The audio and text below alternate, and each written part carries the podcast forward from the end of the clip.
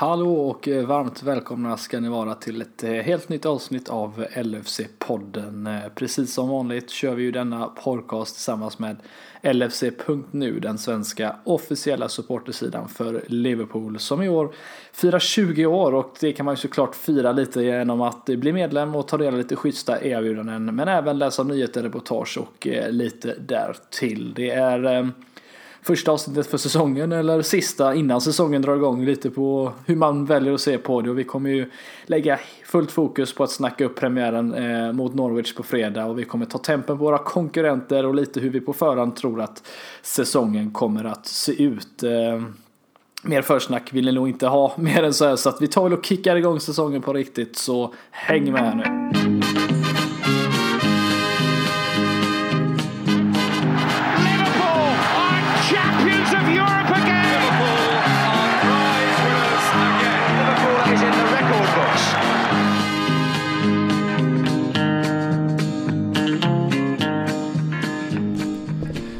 Jajamän, då var det dags. Säsongen drar igång på allvar och eh, precis som Liverpool så har ju LSC-podden eh, avslutat sin försäsong eh, och vi gjorde ju detta genom att livepodda lite trevligt på det magiska Olivedal i Göteborg eh, med Tobbe och Glenn Hussein tillsammans också med ett fullsatt gäng Liverpool-supportrar. Eh, fantastiskt kul även om resultatet inte riktigt blev som det var tänkt. Eh, nästan hela poddgänget var ju på plats och eh, en av de som var med som ska vara med ikväll, Krille Andersson. Hur, hur är känslan så här nu? Nu är det tisdag, vi sitter här och spelar in och på fredag så då drar det igång på riktigt. Ja, nu är det verkligen igång på allvar känns det som efter att vi har eh, klarat av Community Shield-matchen även om den gick som den gick. Så nu tickar dagarna ner relativt fort här tycker jag och det känns mer och mer att det snart är dags för ännu en Premier League-säsong. Så att eh, jag är riktigt på tårna nu. Jag är lite så lugn Eh, i sommar liksom efter Champions League-vinsten eh, där så brukar jag försöka att dra mig lite tillbaka om man säger så och inte tänka för mycket fotboll men nu så eh, liksom ja det är som att det är fjärilar i magen och man är nästan nykär kan man säga så att nu är det bara bara köra känner jag. Känner du dig lite som mattanten gjorde när hon hälsade på Sadio Mané tillbaka på Melbourne möjligtvis? Lite så, det pirrar i kroppen och det är mycket känslor och man ser bara fram emot det. Så att eh, varje egentligen dag nu är, de går, dagarna går snabbt men någonstans känns det, också, känns det också som att det är långt kvar till fredag. för man vill bara köra igång nu. Mm. Nej, verkligen. Nej, men vi kan väl, vi kan väl börja där egentligen. Eh, som, jag, som jag nämnde lite, vi var eh, nästan hela gänget i alla fall på Oliverdal tillsammans med likasinnade och lite där till och eh, kollade eh, Community Shield-matchen mot Manchester City och vi hade ju lite uppsnack inför, vi hade lite mellantidssnack och lite eftersnack men Alltså precis som jag har pratat om tidigare, en sån här match som egentligen inte kanske räknas som en, så, som en riktig match. Det är lite fortfarande försäsong. Jag vet att de här statistiksidorna räknar inte in statistik från den här. Då hade ju i så fall eh, Virgil van Dijk blivit eh, förbidribblad för första gången på var det 65 matcher tror jag. Eh, men eh, som sagt, vi fick se Liverpool förlora, med, förlora på straffar. 1-1 eh, stod det i full tid och eh, matcher av två halvlekar kan man väl säga. Vad, vad, finns det något att ta med sig tycker du ifrån den här matchen? Eh, mer än att vi ja, förlorade så att säga. Det Eller kryssade tycker, om man ska se det så. Ja, nej, det tycker man tar med sig i så fall andra halvlek helt enkelt. Mm. Eh, det är den delen som vi ska vara stolta över. Eh, prestationen, även om bollen inte ville in i, i mål. Ja, det var ju, hade ju några, några bud på fler än ett mål kan vi säga. Ja, och sen jag menar, visst Salah hade chanser att avgöra detta. Men eh, man får också se det till att han nyligen har kommit tillbaka och kanske inte riktigt är i formen och lite ringrostig efter semester och så vidare. Så jag menar, klart, eh, man tänker att han borde sätta någon av de chanserna och att bollen kanske går in på någon av de andra chanserna med. Men det jag tycker är viktigt är att se till att vi, vi styrde matchen mer och mer i andra halvlek och till slut tyckte jag inte att Man City egentligen hade någonting. Visst, de hade också någon chans, men i det stora hela hade vi kunnat göra två, tre mål faktiskt. Och då vill jag ändå ta med den känslan av dominans som vi hade mot dem där under i alla fall större delen av andra halvlek. Så mm. kan man ta med sig det in i Premier League-matcherna eh, så eh, ser det väldigt bra ut tycker jag.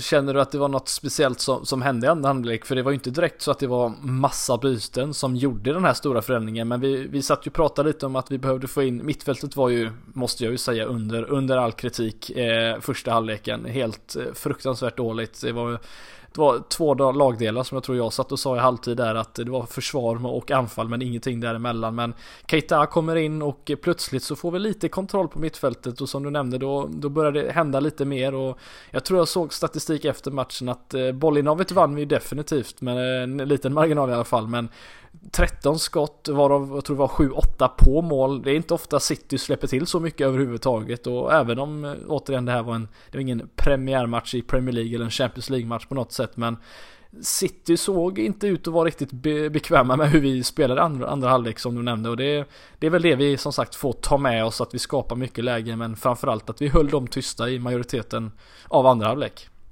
Ja precis och det är det som känns bra någonstans att man ändå står upp mot, mot Premier League-mästarna och, och, även, man kan ju ändå tänka så, vi kom ju liksom en, en poäng bakom dem eh, och vi är jämna med dem. De kanske har en bredare trupp och lite mer alternativ men när man ställer ut ett lag, vårt bästa lag nästintill på, på planen med lite olika byten kanske för att förändra saker precis som du nämner här med Keita då tycker jag att vi är slagkraftiga med dem. Jag menar de har sagt kanske något mer alternativ för att kunna sätta in som är har en annan klass eller nivå än kanske vad våran trupp har just med, på bredden som jag säger. Men nej, jag tycker att vi är likvärdiga dem så kan vi gå kampen den här säsongen igen så kommer det bli väldigt intressant vem som kan dra det längsta strået. Mm. Ja, det, det är ju lite det vi ska ta och diskutera här i det här avsnittet tänkte jag. Plus lite där till men eh, fokus kommer vi ju lägga lite också här nu på, på Norwich-matchen som blir premiären på fredag på Anfield. Eh, lite speciellt med en liten tidig fredag, eller en tidig, tidig match på helgen blir det väl, inför helgen blir det mest snarare.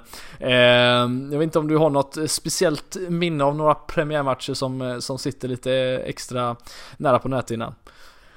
Det känns ofta, i alla fall i min värld, att de suddas bort rätt fort. Och det kanske, mm. jag vet inte riktigt vad det beror på. Men det är ju Förra säsongen matcher. sitter ju kvar lite, men det för att det kanske var så, så, så, så nyligen om man säger så. Ja, precis. Men är det, det, är ofta som, som sagt premiärer kanske blir lite så här utsuddade om inte är något väldigt speciellt. Men eh, eftersom att det är så många matcher under säsong, det blir ju väldigt mycket att de liksom nästan vävs in i varandra, många matcher. Men för mig då skulle jag nog ta med mig en, ett premiärminne från eh, det blir ju den ändå då eh, 13-14 säsongen där mm. när vi nästintill når hela vägen fram. Eh, och eh, Mignolets eh, straffräddning mot Stoke. För det var min, det var min sista hemmamatch på Anfield innan jag flyttade från England. Mm. Så att eh, tiden går fort känner jag nu när man pratar om det. Men eh, det var den sista matchen där och det var jäkligt skönt att få ska man kalla det, min England-karriär att få avsluta den på det här sättet med den mm. vinsten. För det blev ändå det blev ändå så pass viktigt just att den räddningen gjordes så att eh, Liverpool kunde liksom breaka loss ordentligt. Ja, starten på tre raka 1-0 vinster den säsongen. Eh, det är väl det jag kommer ihåg främst utöver Aggers eh, hand som blev till straff där och Mignolet med dubbelräddning. Ja, den, den kommer man ihåg och som sagt den var ju starten på på någonting gott. Man vet inte tusan hur säsongen hade sett ut om man hade kryssat den i slutet av matchen. var väl eh, 88 minuter eller något sånt där som, som det skedde. Eller om jag inte är helt ute och cyklar. Men nej, det är helt klart ett, ett minne. Och Mignolet ska vi prata lite om lite senare också. Det är inte alltid vi pratar honom nu för tiden. Men eh, det kommer vi återkomma till. Eh, Har du något minne då? Ja, den är ju en av dem, helt klart. Eh, den är också ganska nyligen, men jag, en som jag kommer ihåg väldigt väl, jag var ju i, eh, med några vänner, eh, en familj, en familj som vi känner väl i Spanien 2008 på sommaren där och vi fick fira Spaniens EM-vinst tillsammans med alla spanjorer och Torres hade ju avgjort den finalen med den delikata chippen och sen kom han ju tillbaka och avgjorde öppningsmatchen mot Sunderland på bortaplan sista tio minuterna. Det, det är något som jag också kommer ihåg ett eh, fantastiskt eh, bra avslut nere i målvaktens högra hörn. Men eh, nej, jag vet tusan inte om din slår ändå. Det, det var, det var en, en, en, jobbig match på något sätt. Men med tanke på hur det slutade och med den räddningen där i slutet så kanske vi ändå får säga att det är ett av de bättre premiärminnena på de senaste tio åren i alla fall. Det, det har ju funnits några ordentliga minor. Jag vet inte om du kommer ihåg West Bromwich borta. Var det 12-13 eh, säsongen innan när vi förlorade med 3-0. Den, den sitter också på något sätt, den glömmer man inte jättelätt. Nej, jag var inte där. Jag bodde ju som sagt i England då, mm. men jag var inte på den matchen. Men när du nämner den nu så är det klart det är en sån där riktig som man vill kasta ner i sophinken direkt där liksom. Man känner bara att nej fy fan, man var så besviken. Den här känslan av en ny säsong ska börja och så åker man på en sån torsk. Så att den, den behöver vi inte dra upp så Nej, den, den, den, tar vi och skiter Vi, vi, vi håller den åt sidan. Vi lägger den åt sidan. Det, det har inte hänt. Nej. Eh, nej men som sagt, det, den här säsongen blir lite speciell Krille, för vi, eh, vi får ju ändå på något sätt spinna vidare från det som relativt nyligen, eh, maj-juni, var inte så länge sedan nu men eh, säsongen slutade, eh, Wolves 2-0 på hemmaplan blev inte tyvärr tillräckligt för City gick ju och slog Brighton eh, med 4-1 på bortaplan och, och vann den här jävla Premier League som Zlatan hade sagt visserligen men eh, en poäng bakom dem, trots det en sjätte Champions League-titel men det sitter ju ändå hårt inne måste jag säga. Hur, hur glad man än var för en CL-titel men visst fan hade man ju tagit en Premier League-titel före den sjätte titeln titeln, eller hur? Hade jag fått byta rakt av så ja, jag hade tagit Premier League-titeln ja. före Champions League-titeln, så är det ju. Men jag ska heller inte sitta här och liksom, det blir så fel också när man ja. säger som, när man, med tanke på hur bra vi ändå var och att City ändå var snäppet, snäppet bättre och de marginalerna som ändå så Det var ju matchen på Etihad som, som på något ja, sätt, det var ju den som avgjorde. Hade någon ställt upp pokalerna eh, bredvid varandra och sagt Christian välj vilken du helst vill ha, då hade jag valt Premier League-titeln. Men sett till hur vi faktiskt ändå sen gick och vann Champions League med vändning mot Barcelona och sånt så är det ju typiskt Liverpool-sätt och det kommer skriva in sig i historieböckerna och då, då finns det ingenting bättre heller. Och som sagt, jag, jag ser ändå att vi kommer vara med och slåss om, om en titel i, om, om Premier League-titeln i, i den här säsongen också, vilket vi kommer att diskutera vidare. Mm. Ja, jag tror att hade vi ställt upp de titlarna, eller pokalerna bredvid varandra så hade ju jag tror Liverpool hade nog varit framme och nosat på Premier League-titeln och City hade nog gjort tvärtom. De hade nog varit hellre och nosat på Champions League-titeln men eh, vi får se om det blir omvänt den här säsongen. Det ser ju sannolikt ut att eh, vi eh, återigen utan några, som det ser ut nu i alla fall, försvagningar den här säsongen kommer att, att ha ett, ett identiskt lag egentligen med det som Eh, spelade in rekordmånga poäng men ändå inte lyckades vinna. Men eh, vi tänkte vi ska fokusera lite på det vi i det här fallet inte gjort kanske. Men lite har ju hänt som sagt eh, här de senaste timmarna kanske vi ska säga snarare än dagar och så ska vi jämföra lite med hur våra motståndare har gjort och lite vad vi tror om säsongen. Men vi, vi kan väl ta och börja lite med med Liverpool som vi ändå kommer diskutera mest här och eh, det som jag nämnde senast här så är det ju ett målvaktsbyte vi ändå får säga eh, där vi Mignolet blir klar för Klubb Brygge eh, och Liverpool ganska tätt inpå hämtar in eh, Adrian som stått eh, senast då i eh, West Ham var free agent. Vad, vad, vad är dina känslor kring det? Är det något man ändå kan sitta och se som en positiv del inför säsongen här nu? Jag tycker absolut att det är positivt. Eh, om man ändå ser det till att hade Mignolet stannat så hade vi haft en eh, toppmålvakt som andra keeper, vilket man inte kan klaga på. Det hade vi ju under förra säsongen. Eh, vi har ju Alisson Becker som är egentligen ohotad etta där som en världsmålvakt, men Mignolet var då tvåa och det kunde man inte klaga på. Men ser man nu då till det jag förstår och har läst mig till är att han eh, ville liksom fortsätta vara, eller bli första målvakt och hade chansen och nu fick han återvända till Belgien och mm. klubben inte ville stå i vägen efter lång och trogen trogen tjänst så tycker jag att värvningen av Adrian är en supervärvning. Sett till att det är en free transfer, det är en erfaren målvakt som kan Premier League. Han är också i en ålder att han inte är för gammal, jag tror han är 32 eller något. Så att eh, något år yngre mig bara. Jag håller, vi, vi håller bra klass. Men det är just det att liksom det känns som att vi, vi är smarta i den här värvningen och mm. han kan ändå komma in och, och göra ett jobb och sätta nivå på Alisson också. Och han sa ju själv i intervjun att han kommer göra allt för att konkurrera med honom för att både höja sig själv och, eh, ja, och Alisson i det här fallet som kommer starta. Men eh, nej, jag tycker att det är en jättebra värvning av, eh, av Liverpool. Jag känner att du tänker samma, annars får du ändra på den åsikten. Nej, jag skulle nog inte vilja säga någonting annat. Det är helt klart en, som jag skulle säga, en bättre målvakt vi får framförallt. Jag, alltså Mignolet, han har, han har sina, sina styrkor egentligen i, i linjespelet när han får göra sina reflexräddningar, lite, lite straffräddningar, lite sånt där. Men han är ju väldigt begränsad i, i med fötterna och eh, lite tabbar här och där senast som sagt mot Sporting. Den, den glömmer man ju inte även om det var försäsong och Alisson gjorde något liknande, om inte ännu värre mot Napoli visserligen. Men vi får en bättre målvakt. Eh, vi kommer behöva ha någon som kanske kan hålla en högre klass i, i FA-cupen och ligacupen. Eh, och Eh, som sagt, kan, man kan aldrig det, det är inte ofta man sitter här och pratar om målvakter som är långtidsskadade och liknande men jag menar dra ett korsband och du står där med, med Mignolet i en säsong när man ska utmana om titeln igen. Jag vet inte tusan om det känns så säkert egentligen och därför känns det för mig fortfarande väldigt bra att Adrian kommer in. Eh, jag vet inte tusan om det finns några bättre eh, målvakt som ändå Han kommer ju absolut acceptera att vara den andra målvakten den här säsongen men som du säger han vill, han vill nog gärna ge Allison en chans i alla fall och, och eh, därför känns det som ett, ett, ett ganska bra eh, nyförvärv får jag ändå säga. Eh, två säsonger tror jag han skriver på för nu med möjlighet att få ett tredje så det finns ändå lite att, att gå på här kan man väl säga så att eh, nej jag är bara positivt eh, inställd till detta och eh, det, det har ju dock inte eh, rätta till för det som jag är lite mer besviken över som vi kanske eh, de flesta andra Liverpool-supportrar sitter och diskuterar och det, är, det är ju att det inte hänt någonting på den andra fronten Krille. Att eh, det kommit in spelare på andra positioner men eh, hur är din känsla att det inte ser ut som att det blir någonting mer för Liverpool det här eh, transferfönstret? Jag är inte jätteorolig faktiskt. Eh, det är klart, alltså man kan ju aldrig eh, liksom sia om vad som kommer ske under en säsong vad gäller skador, avstängningar och andra, och andra saker så. Men jag ser ju ändå på truppen truppen sett till och jämför med, med förra säsongen och vad vi presterade. Och då hade vi också en Oxlade Chamberlain som var borta under en längre period.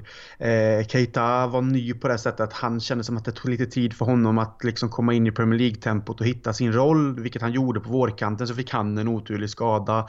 Men med dem tillbaka i ett mittfälts, eh, mittfältkonkurrens om man säger så, så känns det som att vi har tillräckligt med gubbar där och sen är det väl egentligen kanske känslan av någonting framåt, eh, topptrion där som hade, hade velat ha någonting som kanske konkurrerar mer men jag vet inte, Origi skrev på ett kon kontrakt. Han ses ju som en backup där. Så jag, jag, är inte jätteorolig för hur det ser ut. Men eh, såklart hade det alltid varit kul att se ett nyförvärv och ett nytt namn som skapar lite spänning och konkurrens i, på olika lagdelar. Jag mm. vet inte riktigt hur du känner där. Ja, men vi, vi kan väl göra så att vi tar lite snabbt eh, de olika eh, positionsdelarna lite, lite för sig. Jag bara ser lite vad, vad vi känner och tycker mm. eh, som hänt och lite vad, om du känner, eller vad vi känner, eh, att, att det kanske saknas något. Men som vi nämnde målvaktsdelen då, Alisson Becker, Adrian och så Keller som kommer vara någon form av tredje målvakt och kanske hoppa in om det absolut skulle krisa om inte José Enrique rings in. Men det, det känns väl inte jättetroligt.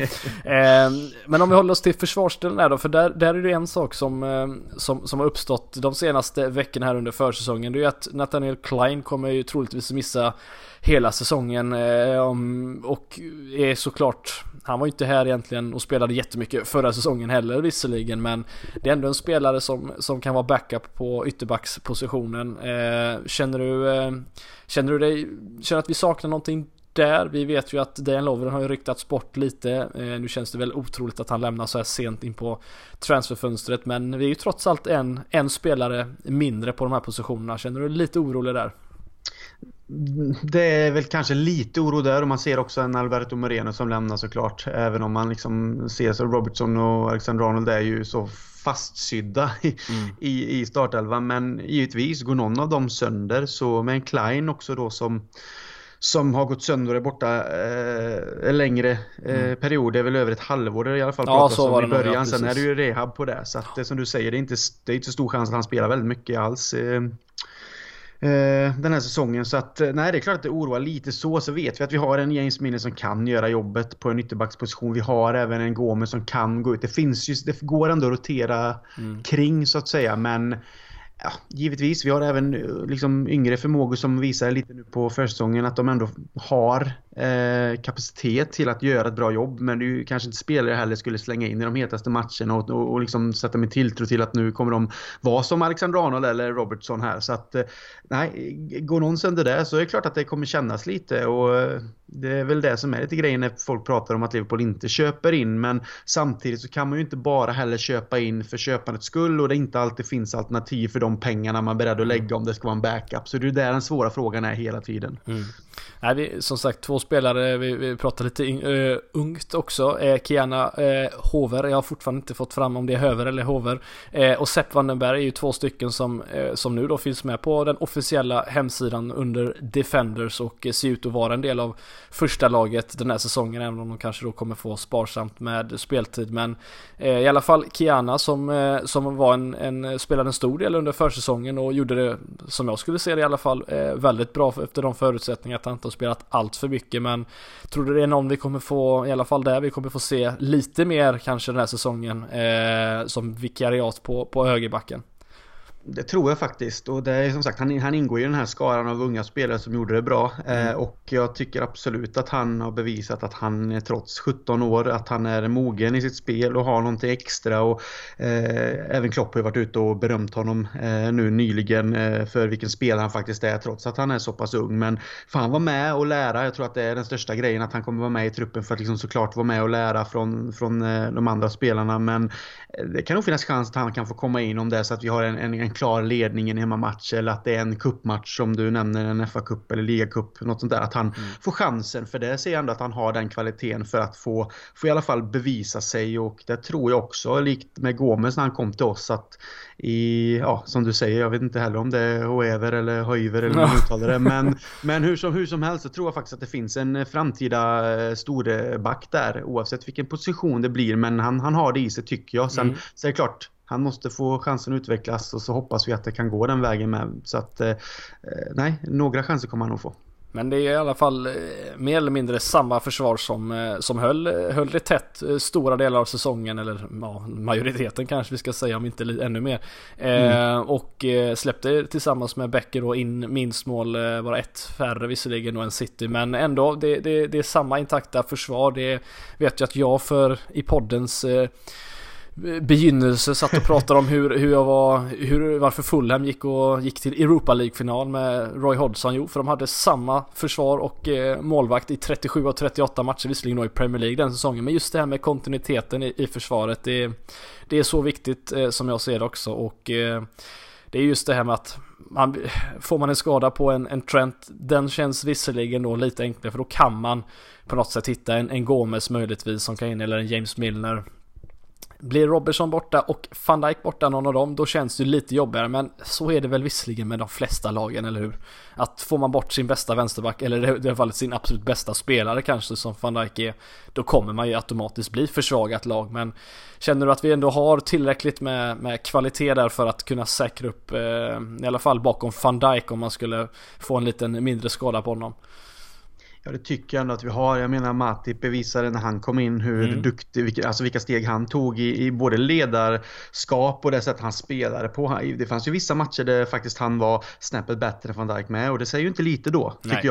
jag. Eh, och sen då har vi ju ändå Gomes som eh, spelade nu mot eh, City här senast och han jag menar, vi har ju sett vad han kan också trots att han fortfarande är ung och han har haft otur med sina skador. Men det är också spelare som man känner liksom att han är landslagsman när han är som bäst och han är eh, egentligen given i vår startelva tycker jag också om han inte är tillbaka till den eh, toppen som han hade i början av förra säsongen. Då tycker jag att det är van Dijk och Gomes som spelar och sen har vi ju Matip och Lovren bakom och det är ju inga dåligare, det är liksom inga dussinlirare. Lovren var ju med i VM för ett år sedan och gick liksom hela vägen till, till final där. Så jag menar, det är ju ingen dålig mittback. Sen att man kan diskutera vem man tycker är bäst och att vissa har någon, något misstag i sig och inte har den här egenskapen hit och dit. Men om man ser till de fyra som egentligen är mittbackar mm. Så är det inte många lag som har så bra mittbackar och kan gå runt på dem om det skulle komma fram någon skada. Det är väl inte ens, jag vet inte, inte ens City egentligen skulle jag säga har på det sättet i säkerhet känns det som om, om jag ska se på det krasst. Nej, nej men det är som du säger, det är, frågar man Glenn Hussein på Oliverdal i söndag så var ju Dejan Lovren eh, den bästa bredvid van Dijk. Sen om han var seriös eller inte, det återstår att, att få Av det han osagt. sa så var det det som kändes seriöst om jag ska vara ärlig.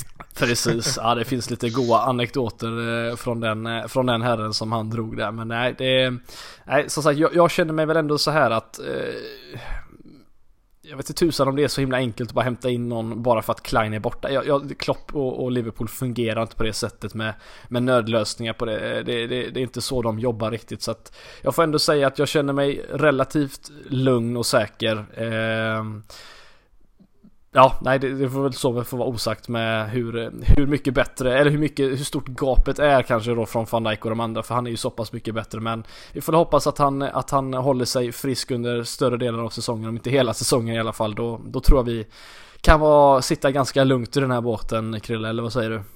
Försvarsbåten går väldigt fint och stilla på vattnet känner jag. Det känns som att det är väldigt säkert. Det är, inte, det är ingen Titanic här inte. Nej, det känns, eh, känns eh, skönt att höra om vi säger så. Eh, om vi går ett steg upp i banan, för det är väl där det kanske har diskuterats eh, mest bland alla Liverpool-supportrar kanske eh, tillsammans med försvaret. Men eh, det har varit mycket frågetecken som sagt kring kring lite hur Liverpool ska agera den här inför den här säsongen. Det här var ju egentligen snack redan mitten och slutet av förra säsongen. Det, det var inte jättemycket mål som, och poäng som eh, kom från mittfältet. Jag tror hela nio mål gjorde mittfältet i, Premier, i ja, inte bara Premier League utan totalt förra säsongen. Räknar man bort Milners tre straffar så är det inte jättemånga mål därefter. eh, känner du att vi går in den här säsongen nu då med en Oxlade Chamberlain som är tillbaka som ja, e- erkänt eh, här på försäsongen att det har varit tufft att komma tillbaka, vilket är förståeligt som sagt. Men eh, hur, hur, känner du här? Jag, jag, kan väl personligen säga, som du får spinna vidare på här då, om du håller med mig, att här är mitt lilla orosmål eh, faktiskt, eh, att eh, vi inte har förstärkt på det här mittfältet. Eh, hur känner du där? Förstärkningsmässigt, det, som sagt, det, det beror lite på hur man ser på det. Hade jag velat ha något mer kreativt till mittfältet att konkurrera med? Ja, det hade jag. Där kan jag känna en oro. Ser man till mittfältsuppsättningen vi har att laborera med så känner jag inte lika mycket oro på det sättet. Men det är klart jag hade velat ha en mer av en kreatör. Men jag tycker ändå att mittfältet med som du säger en Oxlade Chamberlain som ändå kommer tillbaka. Visst att han har varit borta länge från, med en skada och att det är tufft att komma tillbaka och det är kanske lite svårare att komma upp till den nivån han var innan skadan. Men han har ju ändå bev hunnit bevisa sig i Liverpool att han har genomslagskraften, han har skottet, han har liksom det här eh, snabba väggspelet och insticken i sig och han kan liksom bryta igenom med sin kraft. Så att det känns ändå som att en spelare som kommer vara med och kunna förändra matchbilder om så krävs. Om det är så att han inte kommer upp till en sån standard att han faktiskt startar matcher. Vi har även en Keita som kommer tillbaka från skada. Han bevisar ju ändå under våren med några viktiga mål och det här drivet han har med bollen. Att han, han har någonting som vi behöver och det är väl lite där han är den kreatören som man kanske eh, ha, har saknat på det sättet. Så det är ju fortfarande lite upp till bevis då om han kan ta den rollen. Och ser man till de andra Henderson, Wijnaldum, Milner, Fabinho så har vi ju ändå en väldigt bra mittfältsuppsättning med både rivjärn, eh, liksom spelförstörare, ledare och allt det här. Så att jag är inte jätteorolig men jag hade velat se en mer kreativ spelare på mittfältet som kunde komma in och konkurrera och kanske göra någonting annorlunda. Det känner jag. Men mm. det är inte så att jag känner att jag, att jag sitter här och gråter för att jag inte har kommit in. Nej, det ska mycket till. och, och då, ska det, då ska det vara Christian Paulsen och Jay Spearing på mittfältet om man ska börja gråta. Det, där ja. har vi ju suttit en gång visserligen men eh, behöver vi inte göra göra igen kanske. Nej men jag, jag håller väl med dig eh, i det att Keita kommer få en betydligt större roll den här säsongen. Chamberlain kommer få det jag är ingen sån som sitter och säger att de räknas som nya, nya spelare, för, för det är de inte. För de, de tillhör fortfarande Liverpool och de, eh, vi behöver någonting nytt för att det ska hända någonting, skulle jag säga. Eh, men eh, jag tycker väl ändå att mittfältet som startade och fick spela då eh, mot Manchester City i, i söndags med Wijnaldum och Henderson eh, och Fabinho var det väl där som, eh, som startade. Jag, jag tycker att det som, som, som irriterar mig lite det är att vi, vi visade ju mot Barcelona på hemmaplan och, och, att vi exempelvis att vi kan slå ut eh, de bästa även i, i dåliga för, med dåliga förutsättningar. Men det är sådana situationer som de spelarna egentligen kommer det är då de träder fram som mest. Eh, det är, det är när man, eh, det, det, det är inte det något finlir på det sättet. Det är mycket kämpa, det är mycket aggressivitet och mycket känslor. Och det är inte större majoriteten av matcherna som kommer spelas på det sättet. Jag, jag tycker att vi är för långt ifrån våra konkurrenter i deras ja, bland deras mittfält, i alla fall om man jämför med ett, ett, Tottenham och ett City, att det finns för lite kreativitet i det mittfältet som, eh, som spelar. Jag hade jättegärna mm. sett en, eh, exempelvis en Bruno Fernandes som vi har diskuterat eh, under, under försäsongen och kanske lite innan, att, att det, det, är en sån typ av spelare med poäng i sig som hade behövts. Eh, vi vet att James Milner blir gammal, vi vet inte hur länge han kommer spela. Eh, vi, kan inte förlita oss på en Adam Lallana som har omskolats lite den här säsongen till en sittande mittfältare. Det, det, det, vi måste kunna sikta högre än så här. Det är lite det är min känsla och Visst, vi vann en sjätte Champions League-titel. Vi, vi, var nära på att vinna Premier League med de här spelarna.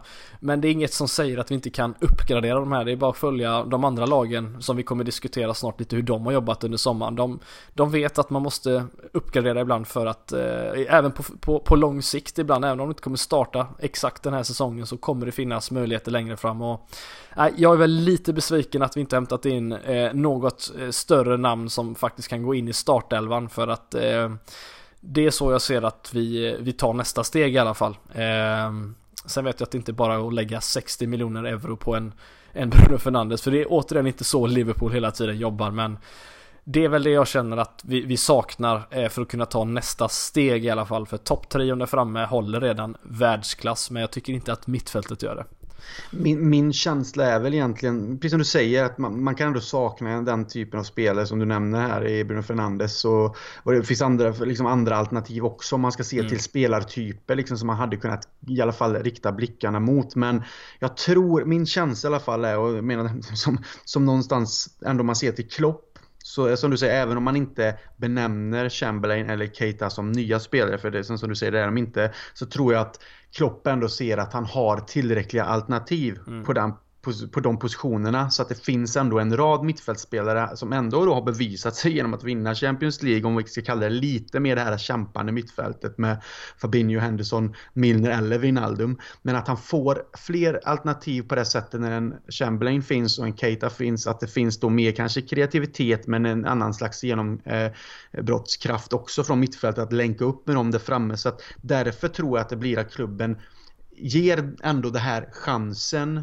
igen och då, då tänker man ju inte att någon ska få en långtidsskada. Det mm, kan mm, ju hända men man sitter ju inte och tänker ja vi har så här man många utgår inte för det. nej, nej, och kan någon skada så länge, ja vi behöver ändå köpa dem för 60, 70, 80 miljoner. Du förstår vad jag menar där. Ja. Så jag tror ändå att man ser att man kommer ge det här mittfältet eh, eh, ytterligare en chans med de här två tillbaka i form. Att det blir en riktig konkurrenskraftig situation och att det finns olika alternativ att använda i olika matcher beroende på vad det är för match. För jag håller med dig att det är en, vi säger Norwich nu premiären och vi säger att de ställer sig jäkligt lågt, ja då kanske vi inte har de här som kan luckra upp eh, från mittfältet. Vi vet att fronttrion kan springa åttor runt omkring och de kan göra det på egen hand och så vidare. Men ibland så krävs det kanske att man också har någon från mittfältet som kan eh, ta de här skotten utifrån och kan vinna poäng på det. Som kan hitta instick till löpningarna från fronttrion och så. Det, det kan väl jag förstå att mm. det är där det svåra är. Men jag tror att klubben ger chansen till de som finns där nu. Och som, såklart skulle det vara att man sitter senare under säsongen när det, när det liksom finns ett januarifönster eller att beroende på hur säsongen går med så tror jag att man då ser över alltihop mer kanske närmare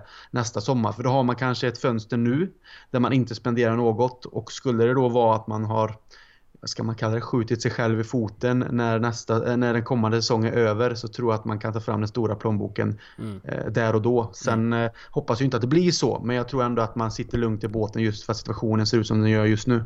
Eller januari, det vet vi att Liverpool har gjort affärer tidigare. Stora, stora namn som, eh, som köpts in. Eh. Ja men det sa jag, januari kommer sa jag. Det, man vet ja. aldrig. Ja, ja precis, precis. eh, Nej men det, det är som sagt, det, det är väl mitt lilla oros, eh, min, min del som jag oroar mig lite för det är väl att jag, jag tycker att vi, vi är ett, ett namn ifrån. Eh, jag vet att det är lätt att, och, att vi måste göra det, vi måste jämföra oss med Manchester City. Det, det kunde vi inte gjort för tre, fyra säsonger sedan egentligen, för då, då var vi inte på den här nivån. Men nu måste vi kunna, det är egentligen de vi har att jämföra oss med. Vi är en, en poäng bakom och det är de som är vår största utmanare den här säsongen återigen. Eh, och nej, vi får se hur, eh, om, om, om jag har rätt eller om, eh, om de här spelarna fortsätter hålla måttet och överraskar återigen. Men eh, om vi säger så här då, jag kan hålla, klara mig utan nyförvärv så länge det blir lite mer poäng från mittfältet. Det är väl egentligen eh, det är väl det jag känner är, är, är vad jag skulle behöva lite mer för att känna mig lite mer lugn. Men eh, vi får väl se om Shakiri eh, kanske gör några extra poäng. Han gjorde, hade väl ett, ett, vad var det, ett oktober eh, som var ganska bra, november där någonstans där han mm. eh, ja, gav Mourinho sparken och lite sånt här. Ja, nej men jag tänker man pratar just mittfältstrion om mm. man ska se den uppställningen då som 4-3-3 eller som om man ser det krasst på det sättet så visst, Shakiri kan ju spela där i, men jag tror att det, han kanske spelar i, i en, en, mer tillbakadragen roll i en annan formation eller mm. så är han en av fronttrion då om han då ska ja, vara, han är ju den backup-spelaren. Men jag gillar ju honom så att uh, han får jättegärna komma in och göra poäng och även kanske konkurrera ut lite med för jag tycker han har någonting att erbjuda. Sen är det ju den här taktiska biten som ibland diskuterats. Mm. Precis.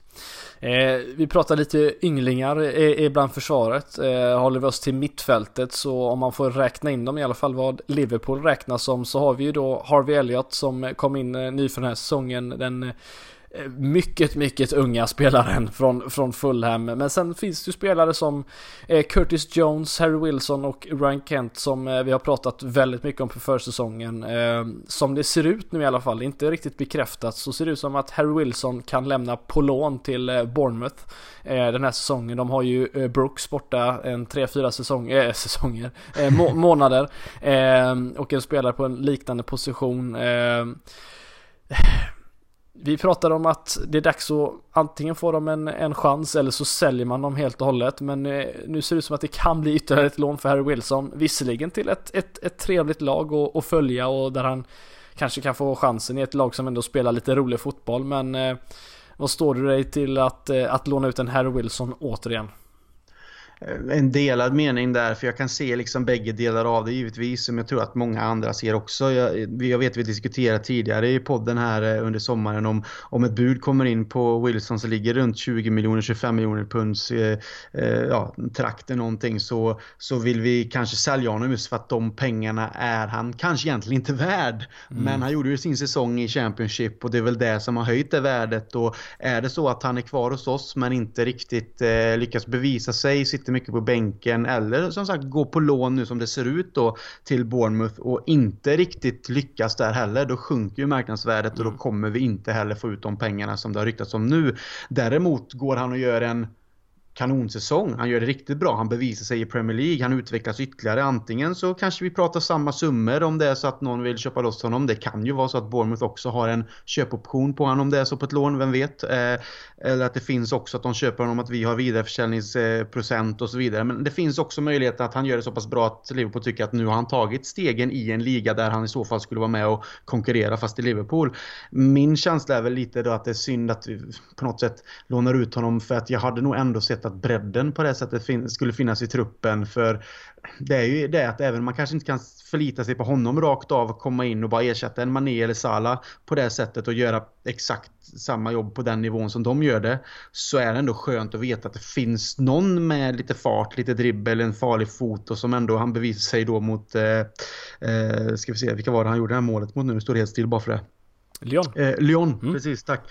Så det finns ju ändå någonting där och jag tycker med man tar, man tar återigen då bort en truppspelare som finns där att ändå konkurrera, lära och kunna komma in ibland då och då för att låta andra vila. Om det är så som sagt leder vi hemma med 3-0, det är en kvart kvar. Varför låter inte han få lufta lite och låta någon av dem där framme få vila lite för vi vet att säsongen är lång. Där kan jag tycka är de här delarna som gör att jag förstår tanken med utlåningen. Det kan vara så att vi vinner på det men det kan också vara så att vi förlorar på det. Men sen förstår jag också kanske att han får chansen att spela. Man vet ju inte vad han och Klopp har pratat om heller här. Så att eh, vi, får ju, vi får ju lita på att det är det rätta att göra och så får vi hoppas att han faktiskt har en riktigt bra säsong. För antingen får vi bra pengar för honom eller så kommer han tillbaka ännu bättre till Liverpool. Samtidigt fick vi, får vi inte glömma att eh, en, en Dominic Solanke eh, lämnade, eh, lämnade till eh, till, till Bournemouth för cirka 20 miljoner eh, ja, euro i det här fallet står det väl eh, om man ska översätta det till, till pund. Men väldigt mycket pengar för något som inte har bevisats ännu. Så att det, jag tror inte vi förlorar allt. Han har ju bevisat betydligt mer än vad Solanke gjorde så jag tror inte det är eh, att vi får 3 miljoner kronor för honom utan det kommer nog fortfarande vara en, en, en okej okay summa så sett. Men eh, jag håller, jag håller med det du säger att det, det finns mycket att i alla fall kunna vinna på detta. Eh, jag tror att det här det måste i alla fall vara den sista chansen chansen för honom. Jag förstår inte riktigt annars hur, eh, hur, hur, hur det måste kännas att vara en spelare till Liverpool om man aldrig riktigt får, får chansen som, eh, som han fått då. Men, eh, och sen vet jag inte liksom, det beror ju på hur klubben ser på en sån som Harvey Elliott. Han är ja. väldigt, väldigt ung men har ju fått väldigt mycket beröm och han har ju ändå bevisat sig att han har mycket kvaliteter i sig trots sin ålder och att det kanske är så att de ser att han går in och blir en rak eh, eh, ersättare för Wilson helt enkelt. Mm. Att de ser att ja, de håller samma nivå fast Harvey Elliott är Eh, ett antal år yngre men fortfarande kan vara med och konkurrera på den nivån som Wilson gör i truppen. Där, därav ser vi möjligheten att låna ut Wilson för att få honom att kanske ta ytterligare steg i den här ligan medan vi ser att Harvey Elliot kanske faktiskt har någonting som krävs för att vara en backup-spelare. Det, det, det, vet jag ingenting om men känslan liksom ändå är där att kanske är det så man ser det att man har ändå en spelare här som kan, som kan göra det som Wilson kan om det skulle krävas. Mm. Ja, det, det återstår att se som sagt. Det är, det är några, några dagar kvar av eh, transferfönstret i alla fall som man kan få köpa ska vi tillägga. Det är ju nu på torsdag som det stänger men du kan fortfarande sälja spelare och låna ut spelare fram till slutet av, av augusti så att eh, det kommer nog eh, eh, ske lite, ja, lite tid kommer nog gå innan, innan vi får se hur det blir med Harry Wilson. Eh, Såvida inte det är någon spelare som kanske ska in och ersätta honom men det, det får vi väl se. Eh, om vi går längre upp eh, i banan, vet att det var någonting du nämnde förut. Eh, vi är uppe på eh, forwardslinjen. Eh, vi tappade en Daniel Sturridge som inte har ersatts. Om man inte då kallar att Ryan Brewster är någon form av ersättare i det här fallet. Men Eh, känner du dig mer orolig där framme? Eh, inte snarare kvaliteten som de besitter utan snarare djupet eh, bland, eh, bland dem. Det är egentligen bara fem spelare vi har som är listade som anfallare om man räknar Origi och Brewster då tillsammans med Firmino, Mané och Salah. Men eh, känner du att det är där vi kanske skulle behövt få in någonting snarare än eh, på mittfältet då? Lite för att lugna dig lite. ja, men lite åt det hållet som du var inne på på mittfältet. Att det kanske fattas en spelare så kan jag ju känna att det kan göra det där framme också. Och jag menar, vi har en fronttrio som vi vet eh, kommer spela ordinarie. Eh, och det är Firmino, eh, Mané och Salah. Och sen har vi Origi som backup som skrev på ett nytt kontrakt och som var en gud under sista delen av säsongen med sina mål han matcher. gjorde. Ja, men just att han gör de här målen. Han har ju... Två matcher skulle jag säga. Han, han, ändå, han har ju blivit en legend. Ja, men han har ju ändå... Han gjorde liksom Everton-matchen med sitt mål Newcastle och så var det ju Barcelona. Mm. Om man ser det så. Så att han gjorde ju sitt för att någonstans ändå alltid skriva in sig i historieböckerna som sagt. Men jag eh, säger ju inte att han kanske är den som går in på en kant och eh, ersätter en Salah eller Mané för jag tycker mer i så fall han går upp och spelar, ja ska man kalla den liksom forwarden i det här fallet mm. då i den här fronttrion. Eh, så jag tycker att det är lite särskilt då med en Wilson som går, kanske går på lån här nu till Bournemouth att vi tappar någonting. Vi skulle gärna, jag skulle gärna vilja ha en, en en ytterligare konkurrens där uppe med något namn. Men sen är det ju det här igen med pengar kontra mm. rollen som en spelare skulle få hos oss. För man vet att den här trion jag nyss nämnde är de som kommer få så starta. Man, man kan ju inte hitta en Shakiri. Eh, alltså så som vi hittade Shakiri tyckte jag ändå förra säsongen var helt rätt. Alltså för den pengen och lite vad man fick. Och det är väl egentligen det enda jag kan tänka mig att Klopp och Liverpool hade kunnat göra om man ska hitta in en spelare som ska in och, och göra jobbet där bakom. Det, det finns inte en chans att Liverpool jag tror inte vi var särskilt nära att hämta in Nicolas Pepe exempelvis, men framförallt inte med tanke på den summan som Arsenal ändå betalar för honom. Det är fruktansvärt mycket pengar eh, för, för något som egentligen inte har bevisats eh, ytterligare än, än någon säsong i, i franska ligan. Men och de Precis. spelarna växer inte på träd heller som har, som kan, som har en liksom, som är mogna, tillräckligt mogna att kunna gå in och göra det som Shakir ändå gjorde i några eh, x antal matcher. Att, att ha liksom den, den kvaliteten som han ändå besitter, även fast gapet är betydligt större från Salamané och, eh, och eh, eh, Firmino till, till vad som är bakom än vad mittfältet som jag nämnde. Där är ju inte gapet lika stort i, i kvalitetsskillnad men eh, Nej, Nej. bland, eh, bland topptrion så, så hade väl behövts någonting lite mer. Eh, det, det, kan jag väl ändå hålla med om. Eh, Sen blir det ju ändå som du säger att när man tänker på vilka det är som startar. Visst, de tre och vi får ju hoppas att som sagt det inte sker några eh, liksom, eh, eh allvarliga skador på dem som håller dem borta länge. Kan det vara någon skavank och så vidare som är borta någon match eller vad som helst? Ja, absolut. Då finns ju eh, Origi, Shakiri, det eh, finns en Harvey Elliot kanske i det här fallet också och så vidare. Men jag känner en Brewster som kan, som kan gå in också och kanske spela längst fram och vara ett alternativ. Så att vi har ju ändå spelarna att kunna gå runt på med en som en Shakiri som du säger med absolut. Men jag tänker ju också så att klubben ser det som att det kommer vara Firmino, Mané, Salah som startar de flesta matcherna. Mm. Och sen finns det ju möjlighet att lufta har väljet och Brewster till exempel i kuppen och Shakir också för den delen och de kan också komma in i matcher om det skulle krävas så. så att det är återigen som du säger, jag håller med dig om i exemplet om Pepe där att liksom att Eh, det är mycket, mycket pengar och en hög lön för en spelare som faktiskt inte kommer in och är given utan som då blir förpassad till bänken och kommer försöka konkurrera sig in och faktiskt slå ut tre världsklasspelare längst fram. Det finns ju inte många lag som ställer upp med en sån trio längst fram anser jag och det har ju de bevisat också. Så att där är ju den här frågan, det är jäkligt svårt att hitta någon som är beredd att ta den rollen och det är väldigt svårt att hitta någon som inte Ja, som, som en Shakiri, ett Shakiri-exempel då som du också mm. tog upp. Att inte kosta för mycket pengar men ändå kan ha kvaliteter och, och, göra ett bra jobb. Så att här får man bara lita på att klubben ser helheten och uh, gör det rätta. Och jag känner, det finns alltid en liten oro när man inte värvar något som vi har pratat om här nu under hela eh, inledningen. Men uh, kring de här ja, uteblivna värvningar och, och så vidare. Men, men någonstans finns det ändå ett, ett, ett mer lugn hos mig än en större oro. Mm. Vi ska ju diskutera som sagt lite hur vi eh, står oss upp mot, eh, mot de andra lagen här alldeles strax också. Men eh, om vi, en sak som vi, som jag tycker ändå kan vara lite nämnvärt. Vi har ju suttit här och pratat om att ja, du vill haft lite mer kanske på försvarslinjen jag, eller anfallslinjen jag, lite mer från mittfältet.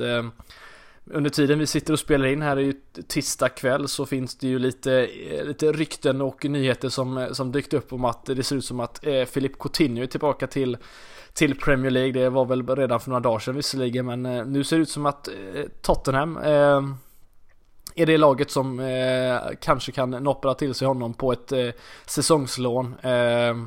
Vi vet ju eh, relationen med honom. Eh, det slutade kanske inte jätteväl. Eh, det har det ju visserligen inte gjort med andra spelare från andra lag tidigare. De har ändå gått tillbaka kanske men där har vi väl exempelvis att inte behöva köpa en spelare för x antal miljoner kronor istället för att hämta in en spelare på lån. Men det ser inte ut som att Liverpool riktigt är, är, är med i den fighten där. Men är det någonting som du tror hade varit bra för laget? Jag, jag vet ju vad jag tycker men du får gärna börja med din, dina åsikter. Men jag är ju av den åsikten att eh, spelaren Coutinho, ja alla dagar i veckan. Men mm. jag känner också att det Klopp har är, byggt. Är bron, eh, är den eh, sprängd liksom? Det finns ingen väg tillbaka där? Inte från min sida, mm. men eh, jag kan ändå förstå om Klopp med den gruppen och liksom den här känslan och sammanhållningen han har byggt i Liverpool som också var en stor bidragande orsak till att vi vann Champions League. Vi har sett det hela säsongen, att vi tog oss så långt under säsongen med och en pinne bakom City. Vi har sett sammanhållningen, vi har sett glädjen, vi har sett hur eh, spelare stöttar varandra. Både som en sån som Mignolet egentligen då som hela tiden har bevisat sig vara en, en spelare som alltid har gått ut och, och, och applåderat eh, Becker och vi ser liksom hur alla, också de som är på bänken, alltid pratar gott om allting, hur allting känns bra och så vidare. Och det, det är väldigt viktigt för att ett lag ska bli framgångsrikt också, att det känns som att det är harmoni i truppen och jag tror att det, det är mer viktigt än kanske vad folk faktiskt ibland kanske inser. Mm. Eh, jag tror att man glömmer det väldigt enkelt om man tänker på spelare för spelare och kvalitet men att det faktiskt finns en känsla av att fan vad kul det här är, vad vi är bra tillsammans och vi ser, vi ser liksom målet där framme, vi kan faktiskt nå dit på grund av hur känslan är och hur positivt allt är. Och där tror jag det gör att Klopp inte väljer att ta en Coutinho som en återvändare sett till att han ville lämna för Barcelona. Han gjorde det inte på ett riktigt, riktigt snyggt sätt. Eh, han lämnar också i en period där vi kanske kände att vi faktiskt hade behövt honom. Han kunde kanske väntat på en övergång också och så vidare. Så jag känner väl att det som har varit vill han inte gå tillbaka till utan han satsar hellre vidare på de spelarna och personligheterna han känner är vi är Liverpool, det här är spelare mm. som vill vara här, vi bygger det här tillsammans, Coutinho är ett minne blott. Mm. Nu är det visserligen en annan säsong men vi, vi gav ju Suarez en chans en gång till. Efter vad, han, eh, efter vad han ville göra menar jag, alltså han ville ändå lämna för Arsenal, eh, fick ju be om ursäkt mer eller mindre för att komma tillbaka. Eh, alltså Ja, men det skillnaden där anser jag är att han blev ju övertalad att faktiskt stanna och därefter mm. så blev det ju, han, han, det blev ju liksom ursäkt och sen så gjorde han egentligen det bästa någonsin typ. Mm. Alltså, ja, sen vet och, man inte hur mycket agenterna är inblandade det, det finns nej. ju betydligt, eh, mycket talar, jag säger inte att Coutinho är en ängel men mycket, mycket, mycket information eh, visar ju också att, att agenten i det här fallet som jag inte tänker ens försöka uttala för han har ett väldigt intressant namn eh, har ju har absolut varit en stor påverkan i detta men vi ska inte diskutera övergången i sig men min känsla är i alla fall så här att den kvaliteten han besitter det, det är ett lån. Eh, det hade säkert gått att lösa ganska enkelt rent eh, pengamässigt med tanke på att de fortfarande inte betalt av honom hundraprocentigt än. Eh, han hade säkerligen gjort allting för att visa att han är, ja, i citationstecken, ledsen för vad som hände kanske. Men som sagt, det, det, har inte känts liksom logiskt och, och särskilt troligt ända sedan nyheterna eh, sipprade fram här att Liverpool skulle vara ett av dem. Men eh, jag känner bara att den kvaliteten, hade man fått in den kvaliteten i det laget Absolut. som utmanar eh, utan att lägga en 80 miljoner pund på den här sommaren och kanske behövt fått göra det senare. Det hade varit väldigt intressant för mig i alla fall. Eh, de spelarna finns det inte jättemånga på marknaden som man skulle kunna göra en sån typ av deal med. Jag vet att James Rodriguez exempelvis har ju varit iväg på många låne, eh, lånedeals eh, och aldrig liksom blivit av från sån transfer. Det känns lite som Coutinho har kunnat göra samma sak en, två säsonger och sen se vad som har hänt men eh, känns inte jättetroligt kanske.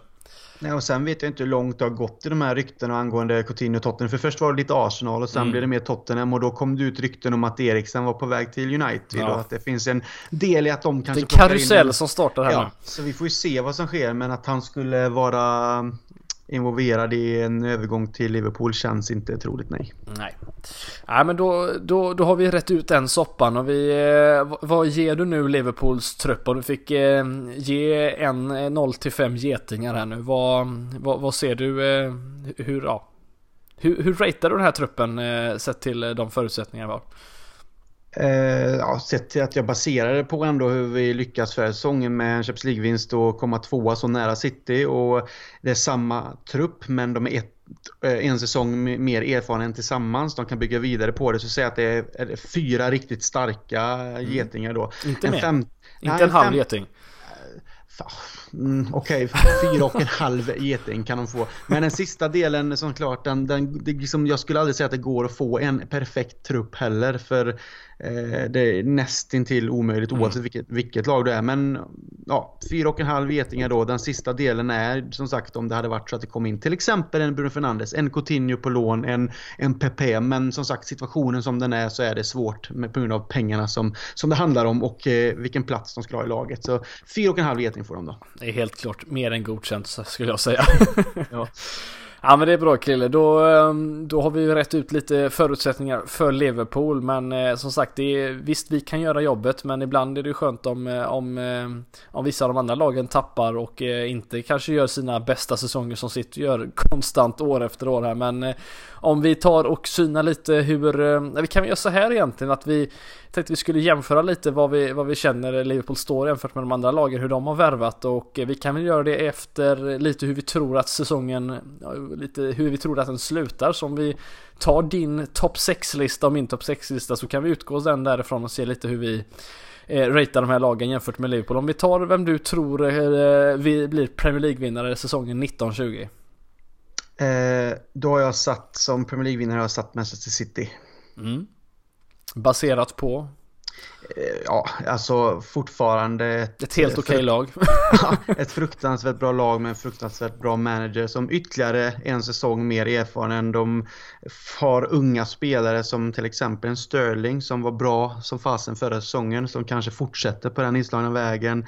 Eh, de har egentligen inte tappat mer än ja, company har de ju tappat. Det är, det är... om vi pratar eh, vad som kan, saker som kan göras för gruppen. Eh, Även om inte han spelar, jag tror han spelar 17 matcher förra säsongen totalt. Inte Absolut. jättemycket men... Led, eh, ledare och eh, den gestalten och så vidare. Mm. Det, det håller jag med om. Men jag ser ändå inte som att det är någonting som gör att det stör hela deras lagdynamik. Eh, och därför baserar jag det mest på att de, de, är intakta, de har värvat in, vi kommer ju prata om det och så vidare. Men jag ser ändå att deras trupp och bredd och Guardiola. Eh, mm. och det, det är det jag baserar det på liksom. Att de, de har ett av världens bästa lag, om kanske inte det bästa laget också om man ser till det. Så att eh, jag sätter dem ändå som högst. Mm. Ja, laget blir starkare och Pep blir mer skallig. Det är väl eh, det som... Eh, och som Walker är... blir hans brorsa.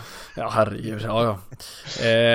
Nej men eh, som du säger, det är ett, ett, ett, ett, lag som jag tror också, vi kan väl ta så och säga att, att jag tror att City tar det i, i år igen. Eh, jag tror att eh, det kan däremot vara det sista året som de, som de faktiskt vinner. Jag tror att näst, året, nästa år kan bli, eh, kan bli en förändring. Eh, men det, det, blir den podden det. Men eh, de har väl gjort det egentligen som, som eh, påminner lite om säsongen året innan. Hände inte så mycket mer än att de är inne och köper en, en Riyad Mahrez för stora pengar som inte kanske varit den mest tongivande spelaren av dem där framme men ändå eh, liksom gett dem en extra dimension och framförallt eh, bättre backup än vad man kan hitta i ligan kanske på, på mm. de här mm. positionerna men i år har de eh, gjort lite så som jag var inne på i förra podden jag var med och pratade lite om hur, jag tror det var till och med den du och jag satt och pratade i.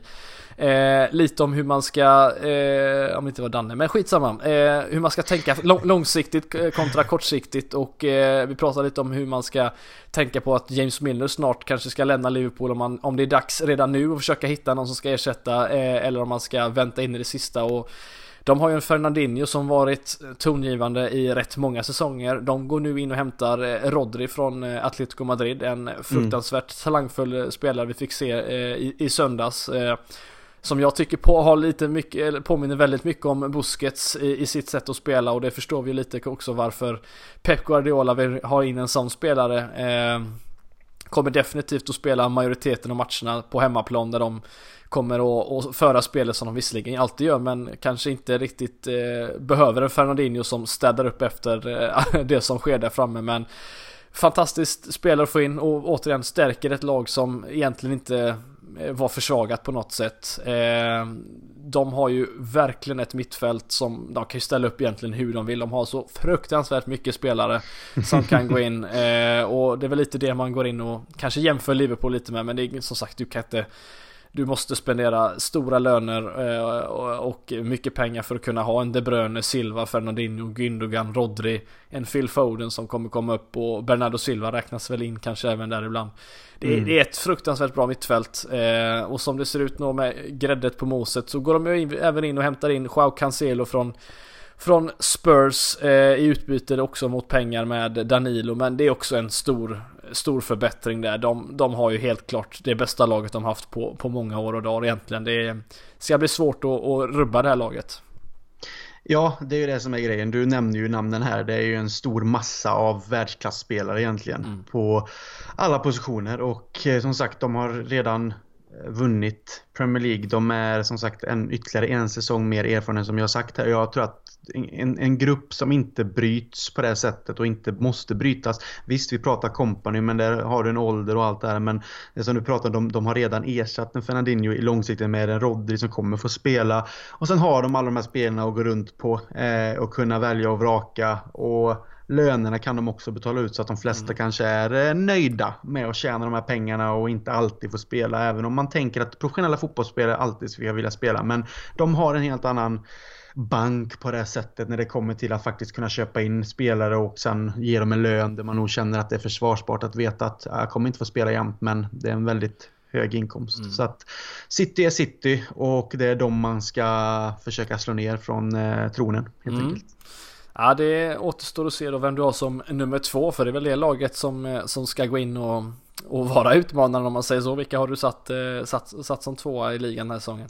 Utan tvekan är det vårt kära Liverpool. Mm. Det är nummer två utan ens tänka en tanke på de andra som vi kommer prata om här snart också. Så jag ser inte att vi på något sätt har eh, blivit svagare. Vi har egentligen bara blivit starkare också sett till gruppen och mm. erfarenheten från förra säsongen. Eh, känns inte som att på något sätt, vi har inte tappat någon av våra, av våra liksom startspelare, våra bästa spelare. Ingen har sagt någonting om att de skulle vilja lämna. Det har inte varit något rykten om Barcelona, Real Madrid, Bayern München, City till exempel heller. Alltså Juventus, de här klubbarna. Utan det har känts jäkligt harmoniskt och att gubbarna vill komma tillbaka och eh, göra om egentligen förra säsongen med den enda skillnaden att de ska sluta framför City. Så att mm. jag ser oss som deras, eh, Manchester Citys största konkurrent och jag ser oss som en väldigt nära konkurrent så länge såklart det inte blir eh, långvariga skador på våra, till exempel van Dijk och kanske Mané, Salah, de typerna av spelarna. Men det sitter man ju ändå inte och hoppas utan man hoppas att det, det ska gå vägen och då gör det som att vi är den största kraften att kunna ta City. Enig, jag håller med. Eh, på tredje plats har jag satt Spurs, vem har du eh, placerat där? De har jag placerat där också. Oh, det här, vi, har inte ändå, vi har ändå inte gått igenom där innan vi spelar in nu. Nej, eh, du, du, kan få berätta varför du har satt dem där då. Nej, men jag har, har vet att jag blev eh, utskälld av Robin Bylund i våran Periscope-sändning i lördags kväll när vi satt i, satt i Borås-gänget när jag sa att eh, Spurs kommer vara närmare Liverpool och han sa att vet du inte hur många poäng bakom de kom oss förra säsongen? Och det det har han en poäng i men det är inte den här, det är inte förra säsongen vi diskuterar utan det är den eh, kommande säsongen och eh, de har väl egentligen samma förutsättningar som, som vi har egentligen att de, de behåller som det ser ut kanske vi ska säga eh, stora delar av sitt lag eh, samtidigt som de har förstärkt lite det som vi kanske gjorde var tanken med Keita förra säsongen att, att de har bestämt, eh, tagit in Tanguy Ndombele som är en av spelarna som jag jättegärna hade sett i Liverpool men mm. eh, stor, eh, stort bra nyförvärv skulle jag säga egentligen för verkligen förbättra deras mittfält som eh, jag ser som kanske deras svaghet i form av att de saknar den typen av spelare. Moussa Sissoko i all ära men eh, Tango eh, Ndombele är en fruktansvärt bra bollvinnare och bolldrivare och eh, kommer vara stor, nytt, nyttig för dem den här säsongen och gör att jag tror att de kommer nog vara en sen 0 till 8 poäng inom oss, kanske inte 25 plus som det var förra, 20 plus som det var förra säsongen men de kommer vara betydligt närmare oss den säsongen för jag tror att de eh, de har en, en, en, en, ny arena som de äntligen kan spela på från, från dag ett egentligen och eh, har spelare som Son Kane, Lucas Mora, potentiellt då Eriksen kvar, eh, vilket vi ska diskutera snart kanske då, men och så Ndombele. De har, de har ett väldigt... Son. Eh, ja, precis. Ett, ett väldigt bra lag den här säsongen eh, fortfarande och eh, jag tror att de kommer vara tillsammans med oss det laget som kommer vara närmst City den här säsongen.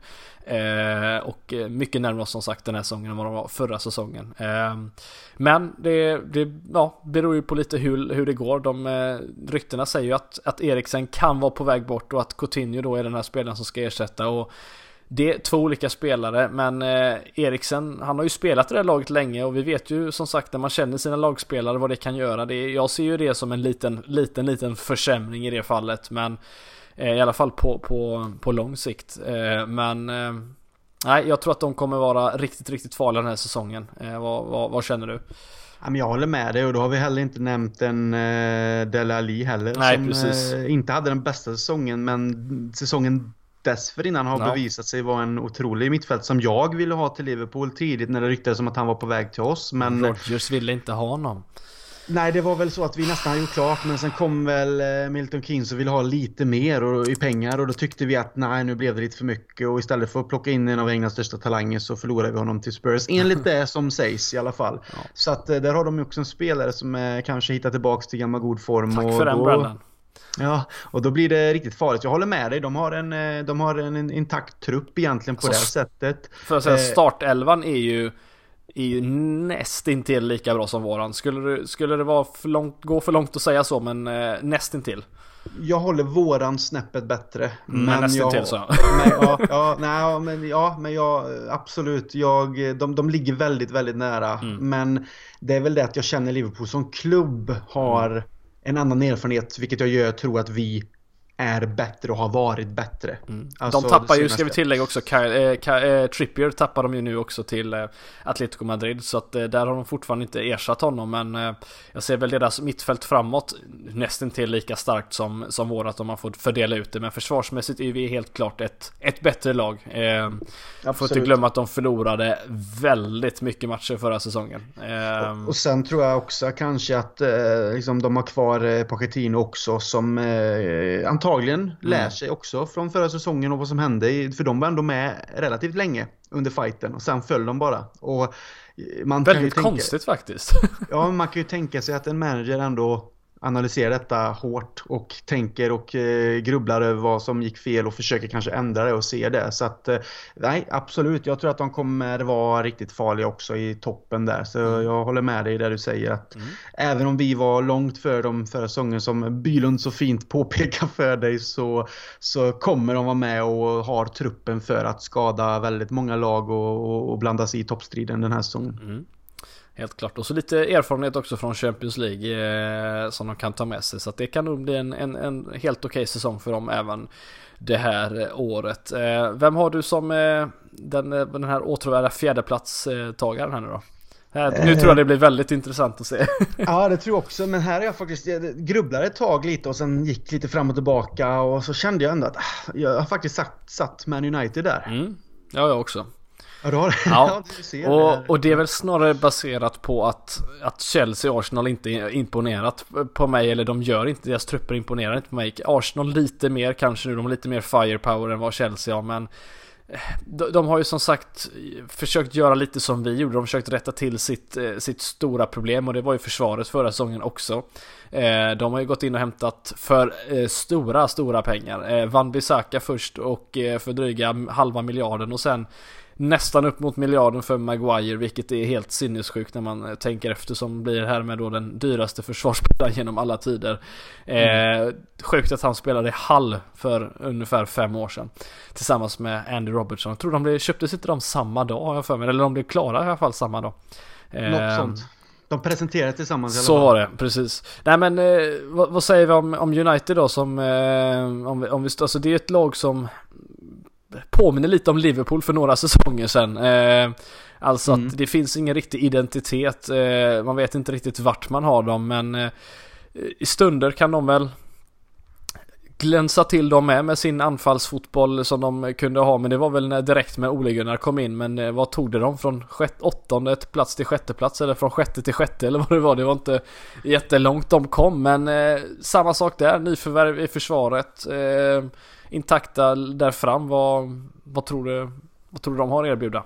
Jag baserar ju också mitt val här på fjärdeplatsen på grund av att eh, vi får ju se vad som sker här nu men jag tror inte att de är riktigt klara här. Um, ja, de verkar inte uh, få in en Dybala som det ryktades om i nej, alla fall. Men till exempel nu om det skulle bli en Eriksen in så tycker jag att det blir väldigt intressant. De har mm. tappat Herrera till mm. uh, PSG. Han gick yep. på fri till, uh, till dem. Uh, ser inte det som världens förlust. Han var, jag tyckte han var bra ett tag när han kom men jag har inte känt att han har på något sätt. Ja precis. Jag tycker inte han har varit den spelaren han var och värvade som eh, heller nu det senaste. Men jag baserar också på att United är United. Alltså dipp-säsongen kan de ha. De har haft flera säsonger nu sen egentligen Ferguson lämnade. Det har varit liksom Manchester hit och dit. Man har försökt bygga trupper. Det har inte gått så. Men någonstans känner jag att Man United är ändå en klubb som får de ändå nu, de har en Harry Maguire, de har tagit in honom, eh, de har Van Bissaka, de bygger lite försvarsspel, de får in ytterligare något mittfält eller kanske framåt som kan göra lite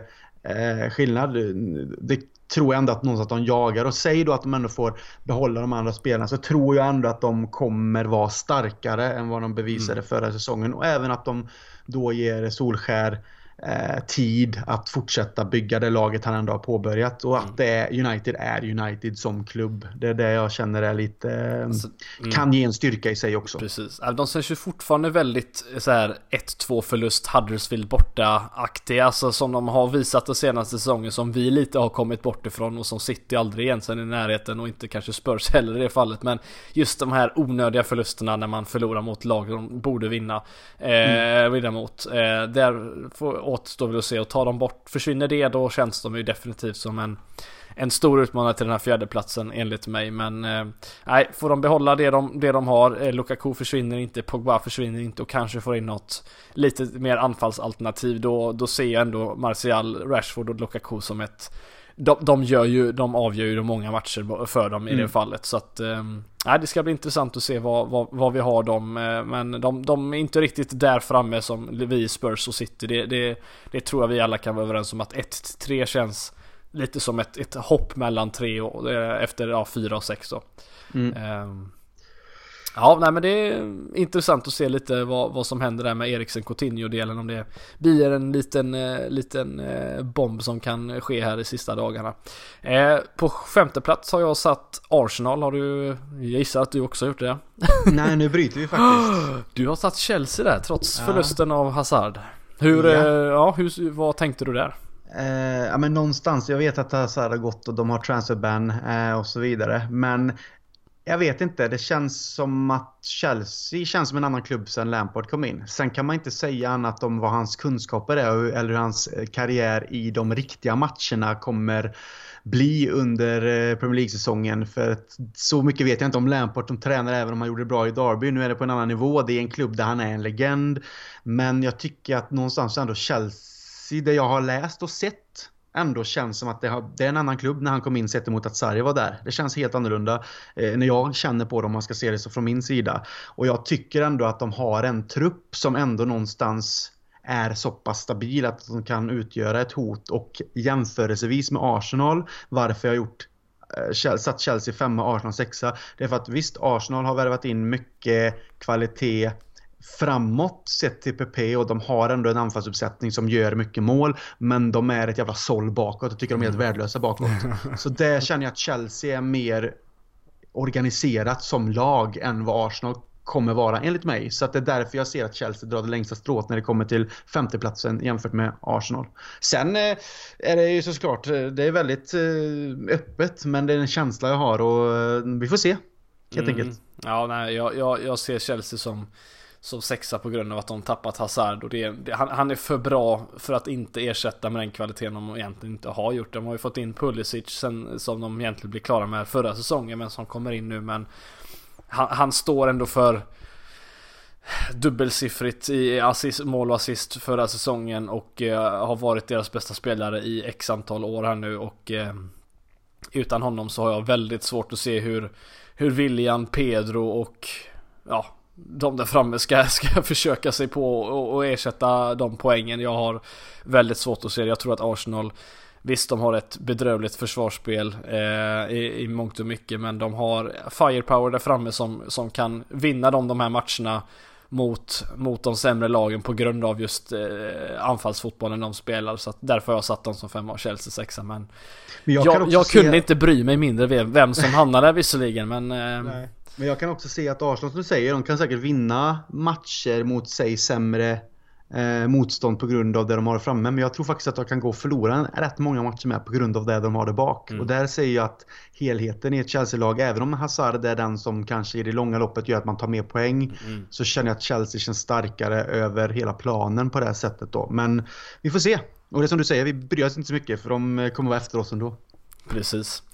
Ja, nej men det känns som att vi har eh, fått rätt ut lite, eh, ja ganska mycket i alla fall. Eh, hur vi tror att den här säsongen kommer se ut. Eh, positivt för Liverpool i alla fall kan vi säga att som vi har gått igenom att vi, vi tror att det blir en bra säsong i alla fall med i och med att det, vi inte tappat någon och vi ser ut att ha en, en lika stark och bra elva som, som förra året och eh, lite mer rutin dessutom så att eh, Ska vi avsluta de här orden med den här ligatiteln, eller ligan i alla fall och säga att vi, vi tror att det blir en bra säsong. Det är väl egentligen det enda.